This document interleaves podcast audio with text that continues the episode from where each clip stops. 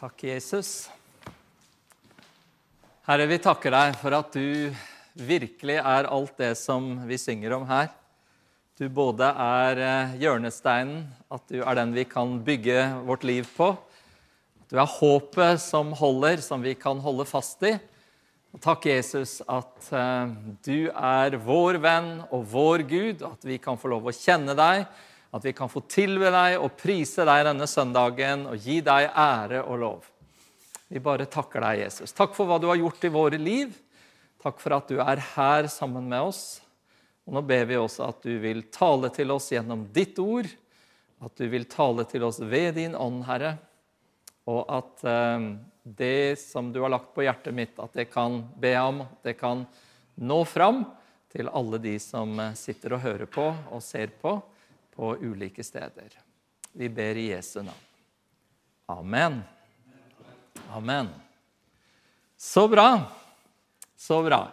Jeg lurte, under den, særlig under den andre sangen her, om jeg liksom bare måtte forandre helt på talen i dag. For jeg syns det bare strømmet på med gode poenger i forhold til for så vidt da dagens tema, som jeg hadde forberedt. Men det var liksom bare så mange flere poenger. Så jeg tror jeg skal komme innom både Eh, dette med at eh, vi har blitt satt fri i Jesus Kristus, eller i hvert fall det eh, noe av teksten handler om, men også virkelig hvordan vi har et håp, at vi har noe fast som vi kan bygge på, som vi kan holde oss til, og som vil bringe oss igjennom, samme hva vi møter her i livet. Så er det som Gud har gitt oss, det som Jesus har gjort for oss, det er fantastisk.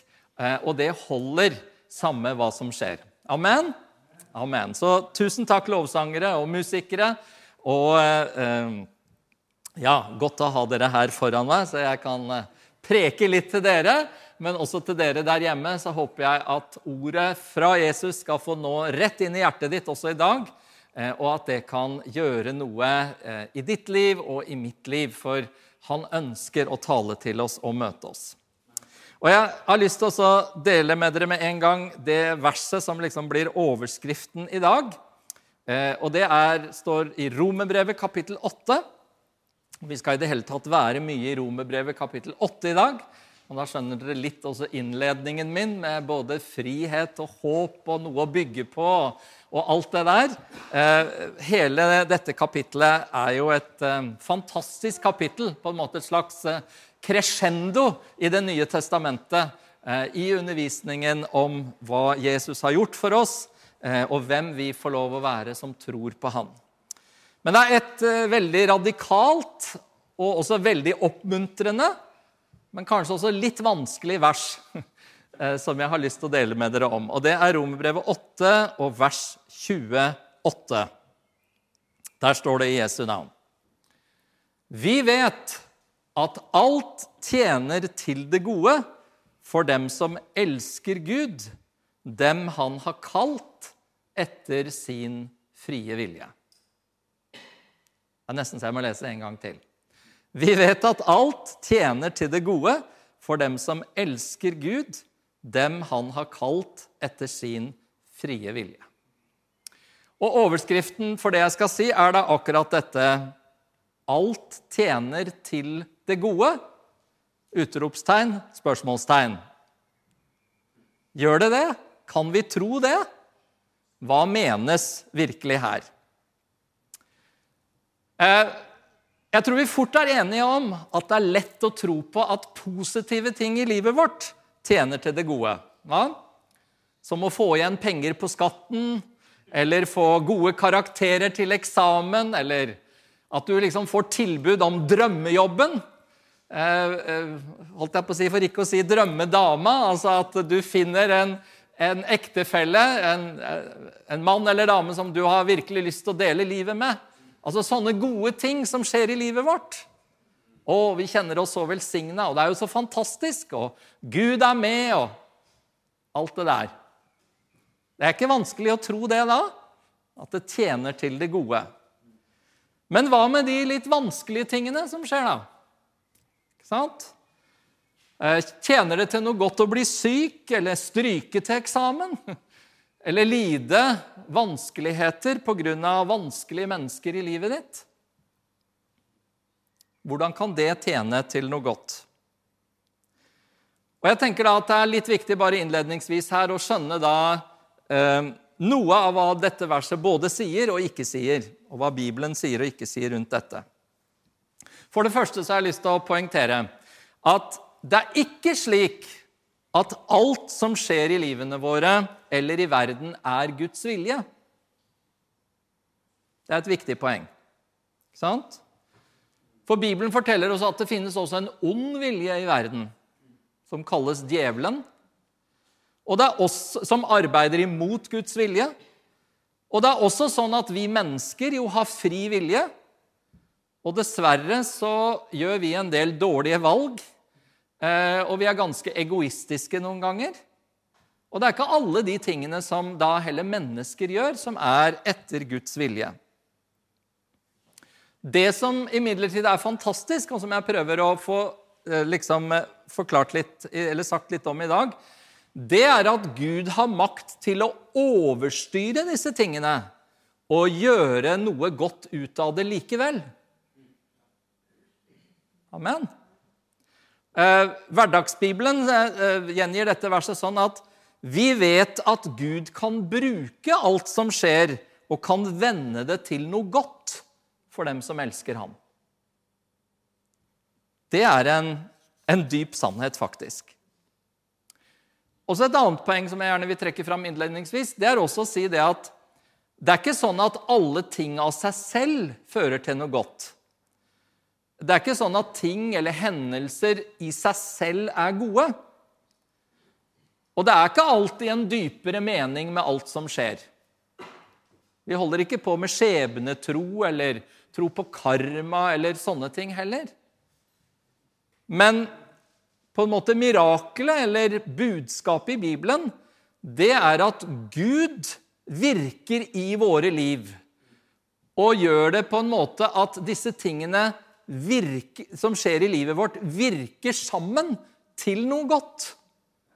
At sluttresultatet på en eller annen måte klarer Gud å overstyre og lede inn til at det blir noe godt i livene våre, på tross av alle disse forskjellige tingene.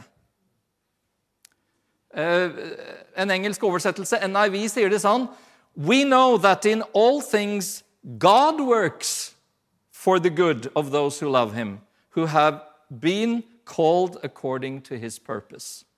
Altså, Vi vet at i alle ting virker Gud til det gode for dem som elsker ham. Og så da er det altså sånn Jeg sa to sånne ikke som det ikke er, men da er det altså sånn at vår gode far sørger for oss i alle situasjoner. Og jeg tenker Det var det litt det vi sang om her også. ikke sant? Om du går gjennom en storm, om det blåser orkan, liksom, så holder det ankeret vårt, det håpet vårt, det som vi har valgt å stole på Jesus, det holder også i de situasjonene. Og midt i det som skjer, så kan vi altså oppleve Guds omsorg. Vi forstår ikke alt hva som skjer, vi må være ærlige på det. Men på tross av djevelens angrep, på tross av syndens konsekvenser, på tross av våre dårlige valg, så hjelper og velsigner Gud oss likevel. Amen. Vi er ikke lovet et liv uten problemer eller lidelser. Men midt i vanskelighetene kan vi oppleve at han er med oss, at han griper inn, at han svarer på bønn, at vi vokser, at vi blir mer lik Jesus midt i alt det som skjer. Alt må tjene til det gode da i Guds perspektiv.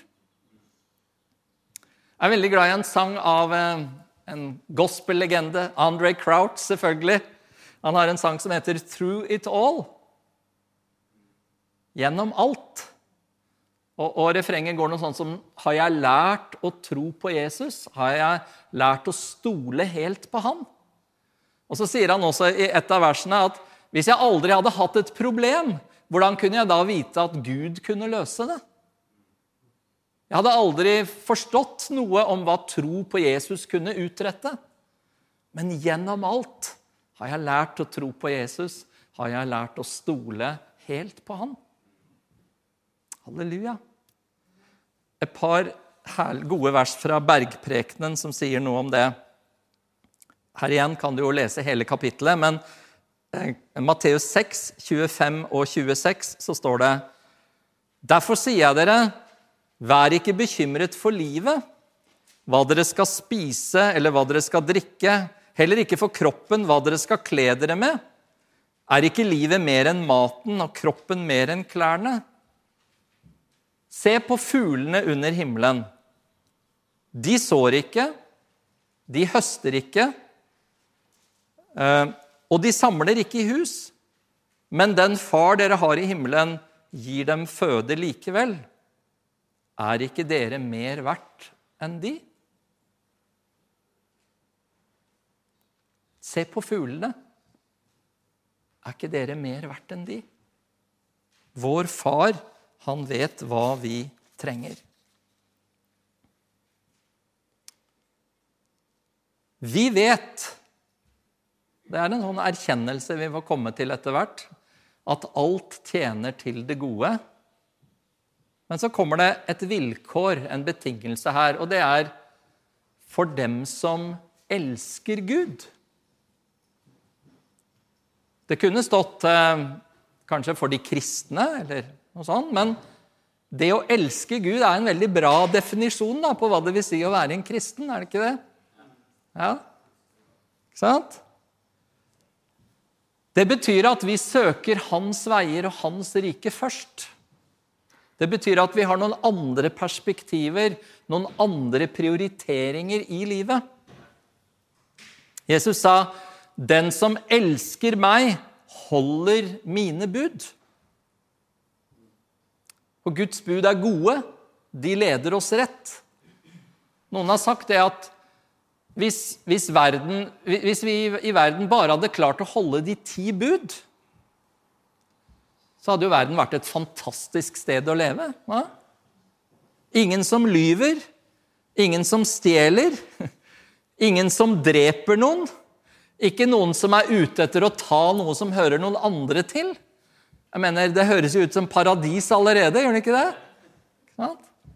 Guds vilje, Guds bud er gode. Og dette er noe som hører med i dette for at Gud skal få kunne virke i våre liv. Salmene så sier det, Salmenes bok så står det Ditt ord er en lykt for min fot og et lys på min sti. Det leder meg rett, med andre ord. Det hjelper meg til å gå sånn i livet at ting kan fungere godt. Og i Salme 1, eh, som jo er superkjent, innledningen der, så står det også om hvordan å holde Guds bud fører til velsignelse. Hør bare. Salig er den som ikke følger ugudelige menneskers råd, og ikke slår inn på synderes vei eller sitter sammen med spottere, men har sin glede i Herrens lov og grunner på den dag og natt. Han skal være lik et tre, plantet ved bekker med rennende vann. Det gir sin frukt i rette tid. Løvet visner ikke på det, og alt det han gjør, skal lykkes for han. Det høres ganske bra ut, det, gjør det ikke det? At ting tjener til det gode for dem som elsker Gud. Den som følger hans vei, den som går sammen med han. Og David beskriver disse velsignelsene så mange steder i salmene. Eh, Salme 23 for eksempel, er jo også så kjent. Herren er min hyrde, jeg mangler ingenting. Og likevel så snakker han om selv om jeg går gjennom dødsskyggens dal, eller selv om jeg møter fiender ansikt til ansikt, så er du med meg der, Gud, og hjelper meg, møter meg, leder meg rett. Han snakker om det å leve sammen med Gud, det å merke denne kjærligheten og omsorgen fra Gud. Amen. Jesus sa også at den som hører hans ord og gjør etter dem, han er lik en klok mann som bygger huset sitt på fjell. Og Hvorfor var det så viktig, da? Jo, fordi det kommer noen stormer i livet. Og den som hadde bygd da på et solid fundament, han opplevde at huset sto midt i stormen. Fordi jeg hadde bygd på det Jesus hadde sagt. Det er kraften fra Gud er skrevet her, som bærer oss gjennom vanskelighetene. Det er den som gjør at vi kan eie hans glede midt i trengslene. Og at problemer faktisk kan tjene til noe godt. Det kan liksom vekke oss opp litt. C.S. Lewis han sa en gang at når vi møter problemer, så er det liksom nærmest som Guds megafon. Hvis vi ikke helt har fått tak i på en måte hva han ville, så, så liksom våkner vi opp og vi skjønner at her må det skje noe, her må vi søke Gud. Her må vi få hjelp fra Han. Vi kan ydmyke oss, og så kan vi oppleve at Han kommer inn og forvandler situasjonen. Forvandler oss, kanskje enda viktigere. Og så blir lidelsen til en skjult velsignelse i stedet. Vi opplever at Han oppdrar oss, at troen vår vokser når vi ser at Han svarer på våre bønner. ikke sant? Og vi opplever Hans kjærlighet og Hans nåde i våre liv, sånn at vi kan dele det videre med andre. Hør hva Peter sier i sitt brev, Første Peters brev, kapittel 1, og vers 6-9. Dere henger med, ikke sant? Ja, Håper dere henger med der hjemme også. Første Peter er eh, fantastiske vers. Jeg får liksom bare gitt noen sånne små drypp, føler jeg, i løpet av en sånn preken. Det er jo så masse å øse av. Ehm, men hør hva det står her fra vers 6. Derfor kan dere juble av glede, selv om det nå en kort tid om så må være, om dere nå en kort tid om så må være, har det tungt i mange slags prøvelser. Vi opplever det, ikke sant? Slik blir troen deres prøvet. Selv forgjengelig gull blir prøvet i ild. Troen som er så mye mer verdt, må også prøves, så den kan bli til pris og herlighet og ære for dere. Tjene til det gode, hva? Når Jesus Kristus åpenbarer seg. Han elsker dere enda dere ikke har sett ham. Han tror dere på enda dere nå ikke ser ham. Og dere jubler og er fylt av en glede så herlig at den ikke kan rommes i ord fordi dere når troens mål frelse for sjelene. Det er noe med at hvis du er sammen med Jesus, hvis du har tatt imot han i livet ditt, hvis Gud er din far, så kan du egentlig ikke tape. Vi har en hel evighet og en herlighet i vente, selv om vi går igjennom tunge ting her i verden så bærer han oss likevel. La oss gå tilbake til Romerne 8. Og så leser vi de to neste versene. Um, skal vi se, Nå bladde jeg meg ut her, selvfølgelig, men klarer å finne tilbake til Romerne 8. Vers 29 og 30 er egentlig en sånn utdyping av det vi sa om at alt tjener til det gode for dem som elsker Gud, som han har kalt etter sin frie vilje. Hør! Dem som han på forhånd har vedkjent seg, har han også på forhånd bestemt til å bli formet etter sin sønns bilde. Så han skal være den førstefødte blant mange søsken.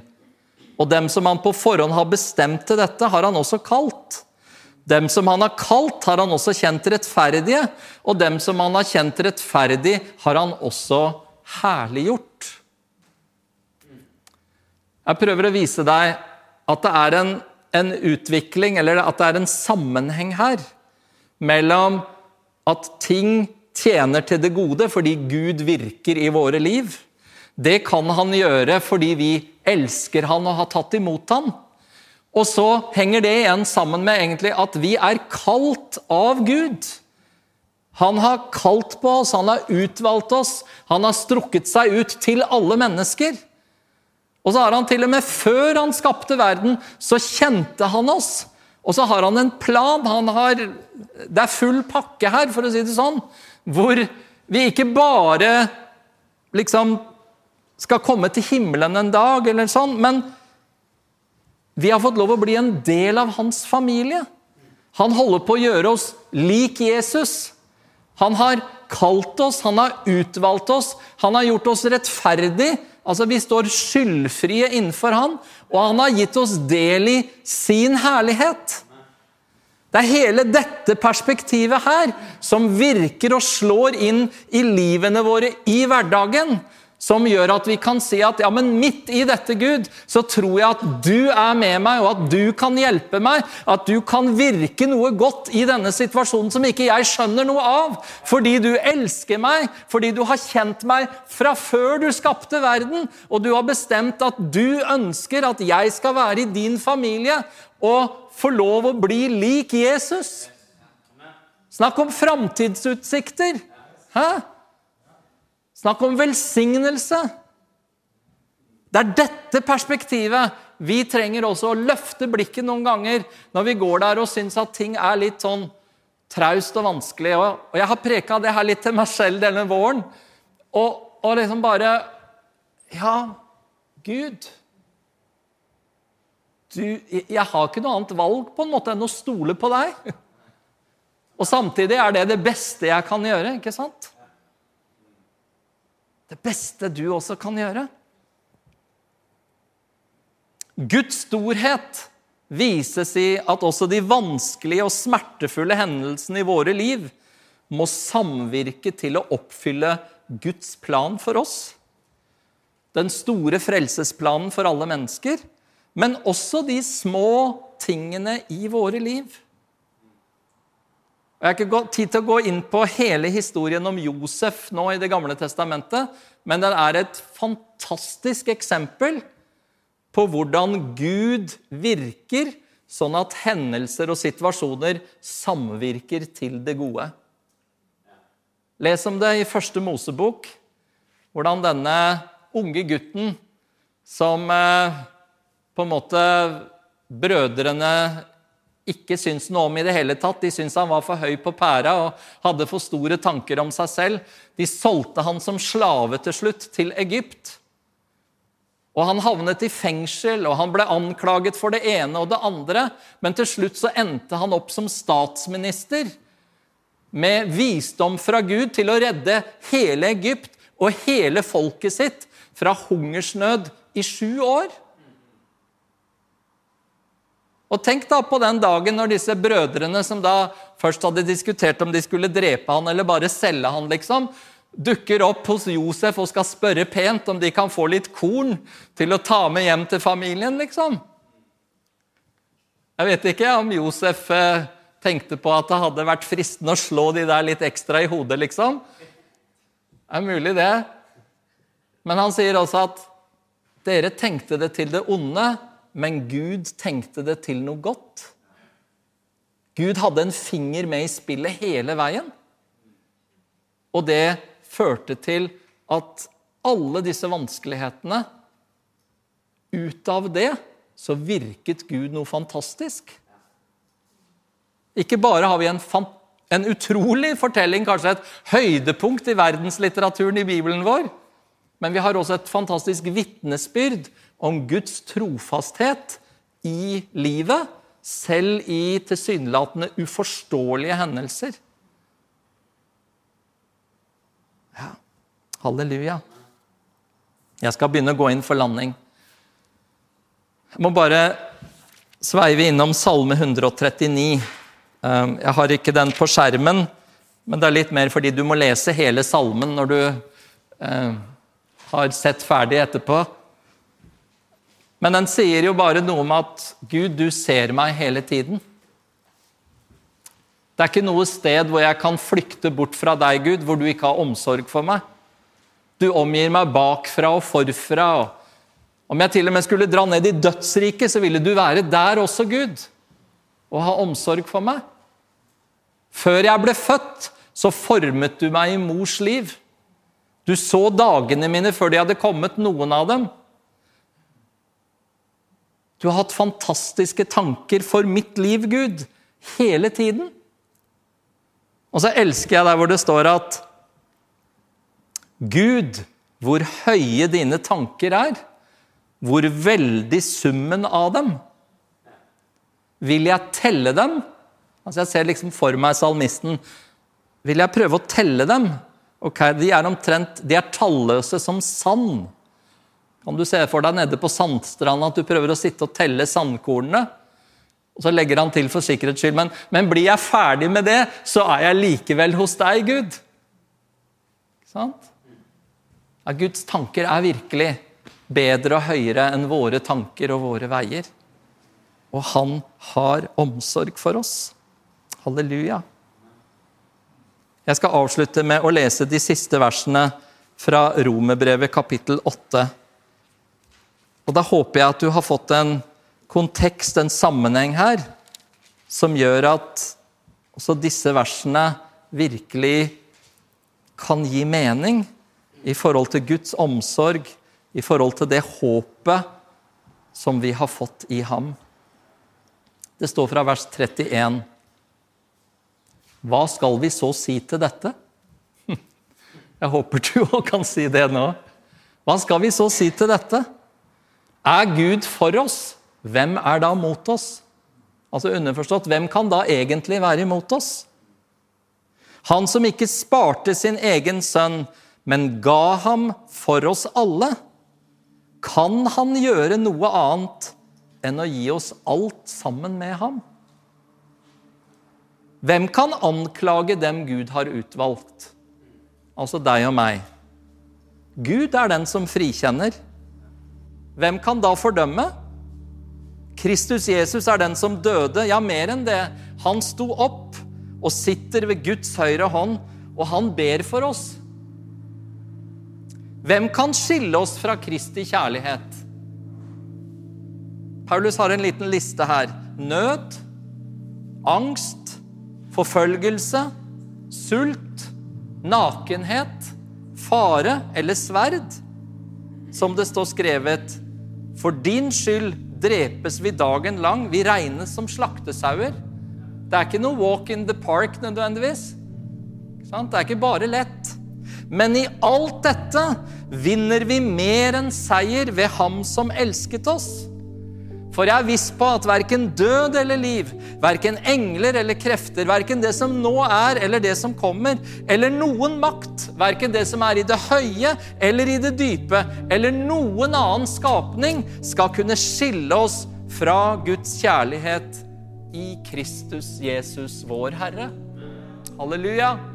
Vi vet at alt tjener til det gode for dem som elsker Gud, dem som Han har kalt etter sin plan, etter sin hensikt, etter sin vilje. Halleluja. Kan dere komme opp, og så skal vi be en bønn sammen. Og jeg håper at du som ser på hjemme også, at du vil være med oss i denne bønnen. Jeg vet ikke hva du opplever å gå igjennom akkurat nå. Kanskje er det en vanskelig periode. Kanskje opplever du en krise i livet ditt. Men vit at ingenting kan skille deg fra Guds kjærlighet. Han, din gode far, har omsorg for deg. Og hvis du ikke kjenner Gud som din far, så kan du åpne hjertet ditt akkurat nå og ta imot han. For han er nær hos deg, og han ønsker og møte deg med sin kjærlighet og med sin omsorg. Far, takk for din gode plan, for din omsorg, for din kjærlighet, Herre. Du ser ulike situasjoner, ulike vanskeligheter vi går igjennom. Eller kanskje vi akkurat nå takker deg for alle velsignelsene. Men uansett, Herre, så vil vi gi deg takk og pris for at du er nær hele tiden. At du går sammen med oss, at du har omsorg for oss. Vi vil kaste vår bekymring og vår sorg og vår problem på deg for at du kan få gripe inn og hjelpe oss. Herre, jeg ber spesielt at du kommer til dem som er syke, dem som har det vanskelig akkurat nå, med din berøring, med din helbredelse, med din nærhet, Herre. Og så takker jeg deg samtidig at det er så lett å komme til deg. Vi kan bare kalle på deg, så er du nær hos oss. Takk, far. Amen. Gud velsigne deg.